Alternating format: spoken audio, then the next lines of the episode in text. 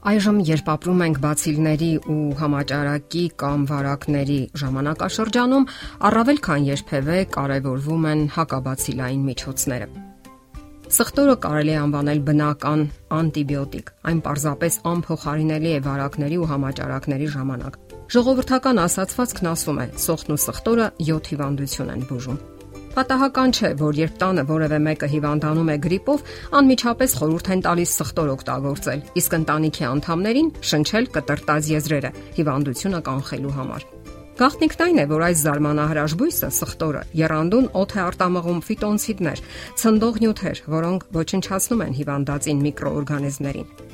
Ասենք որ սխտորի հայրենիքը հարավային Ասիան է, որտեղից նա տարածվել է շատ այլ երկրներում։ Մարդիկ դեռ շատ դարեր առաջ գիտեին այդ բույսի խորհրդավոր հատկությունների մասին եւ նույնիսկ միստիկական ուժ էին վերագրում նրան։ Նրանք համարում էին, որ սխտորն օրինակ ընդունակ է դժբախտություններից պաշտպանելու մարդուն, նրա տունը, ոչնչացնելու չար ուժերի կախարդանքները եւ փրկելու ամեն տեսակ թույներից։ Ասում են նույնիսկ եգիպտական փարավոնների մումիաների դամբարաններում գտել են սխտորի փնջիկներ։ Հին հռոմեական բժիշկ Դիսկորիդ Պետանյումը մեր թվարկության առաջին դարում նշանակում էր այն իր հիվանդներին, եթե ախորժակ չունեին, եթե հյուծված էին, ունեին հաս կամ ստամոքսի ցավեր։ Իսկ նշանավոր բուժարար Ավիցեննան խորհուրդ էր տալիս օգտագործել սոխ ու սխտոր բոլոր հիվանդությունների դեմ։ Միջնադարում սոխն ու սխտորը շատ թանկ արժեին։ Հետաքրքիր է, որ արաբ վրանաբնակները կամ խաշնարածները, սարակինոսները, ովքեր աչքի էին ընկնում վայրենի եւ մոլեգին բարքերով, յուրաքանչյուր գերի ընկած ֆրանկ խաչակրի համար, որպես փրկագին, պահանջում էին ընդամենը 8 գլուխ սխտոր։ Ըստ ավանդության, սխտորը անխուսափելի մահից փրկել է Մարսել քաղաքի 4 հանցագործների, ովքեր 1721 թվականի ժանտախտի ժամանակ դատապարտվել էին ազատազրկման։ Մահապատժի փոխարեն նրանց հարկադրել էին հավաքել ու թաղել դիակները։ Այս գերեզմանափորները անընդհատ ամրապնդվում էին գինով եւ մանրացրած սխտորով եւ ի զարմանս բոլորի կենթանի մնացին։ Այդ օրինակ թուրմը սկսեցին անվանել 4 հանցագործների քացախ։ Ռուսաստանում նույնպես ժանտախտի ժամանակ այդ քացախով էին լվանում թևատակերն ու աճուկային հատվածը։ Իսկ համաճարակների ժամանակ նրանց զինվորականների սեղանից անպակաս էին սոխն ու սխտորը, որը նրանք օգտագործում էին նույնիսկ օրը 3 անգամ։ Սխտորի բուժարար հատկությունները օգտագործում էին նաև հայրենական մեծ պատերազմի տարիներին հոսպիտալներում։ Սխտորի շիլայանման զանգվածը թանզիֆե անձեռոցիկի մեջ դնում էին երկար չլավացող վերքերի մակերեսին։ Այդպիսի թրջոցը ընդամենը 10 րոպեում ապահովում էր ֆիտոնցիտների թափանցումը ախտահարված հյուսվածքներ եւ նպաստում ապակինմանը։ Ժողովրդական մեկ այլ ասացվածք ասում է. ուժերը եւ առնականությունը պահպանելու համար հարկավոր է սխտոր ուտել։ Ասենք որ սխտորի յուրահատուկ սուր հոտը գալիս է այն ժամանակ, երբ այն կտրում են կամ տրորում, սակայն հայտնի է նաև, որ երբ մի քանիսը համատեղ ուտում են սխտոր, մեկը մյուսի հոտը չի զգում։ Պարզվել է, որ այդ հոտը հայտնվում է ալին նյութի քայքայման արդյունքում, իսկ քայքայումը տեղի է ունենում ալին լիազա фермենտի ազդեցության տակ։ Սրանք գտնվում են բուսական բջջի տարբեր մասերում։ Ասենք որ սխտորային շիլայի բուժիչ նյութը կարող է անընդմեջ շրջակա միջավայր արտանետվել ամբողջ 200 ժամ։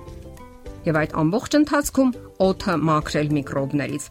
Սխտորի մեկ շերտը օգնում է ազատվելու բերանում եւ քթամբանում տեղակայված բոլոր միկրոբներից։ Իսկ կալորիականության առումով սխտորը երկու անգամ ավելի կալորիական է սոխից։ Այն պահպանում են 4 տեղում, կախած վիճակում։ Սխտորը խոնավություն չի սիրում, ջերմաստիճանի կտրուկ տատանումներ չի սիրում։ Սննդի մեջ այն օգտագործում են հիմնականում թարմ վիճակում կամ աղ դրած, թթու դրած, հատկապես մատխաշ սխտորները, որ ունեն կանաչ ցողուններ, մարինացված վիճակում որպես համեմունք, բայց միևնույն ժամանակ այն չի կարելի շատ ուտել։ Օրվա ընթացքում բավական է ուտել 2-ից 3 շերտ։ Իսկ ինչպես վերացնել սխտորի հոտը։ Հասկանալի է, որ էթիկայի տեսակետից այնքան էլ ճիշտ չէ սխտորի բուրմունք տարածելը։ Սակայն առողջությունը, հատկապես համաճարակների ժամանակ շատ կարևոր է։ Ընդ որում հոտի վերացմանը օգնում է մաղադանոսի թարմ արմատը, արևածաղկի սերմը կամ բուսական յուղը, մեխակի սերմերը, ինչպես նաև սև հացը։ Իսկ բոլոր դեպքերում հոտը պատրվակ չէ այդ հրաշագործ բույսից հրաժարվելու համար։ Սխտորն իր օգտակար հատկությունները պահպանում է հատկապես հում վիճակում։ Այդ պատճառով էլ եփած ճաշատեսակներին այն ավելացնում են որպես կանոն մատուցելուց 2.5 րոպե առաջ։ Սխտորից պատրաստում են նաև պաշտետ, սալատ, նույնիսկ յուղ օգտագործում են մածունի, լոբու, գազարի, բազուկի հետ։ Մեկ շերտից ավել սխտոր ուտել խորուրդ չի տրվում այն մարդկանց, ովքեր տարապում են սրտի հիվանդությամբ կամ երիկամների ախտահարումով։ Սխտորն այս դեպքում կարող է առաջացնել սրտի գործունեության խանգարում, սրտի եւ գլխուղեղի անոթների նեղացում կամ սպազմ։ Սխտորը պարունակում է B խմբի բավական քանակով վիտամիններ՝ B1, B2, B3, B8, B9, B, C, PP,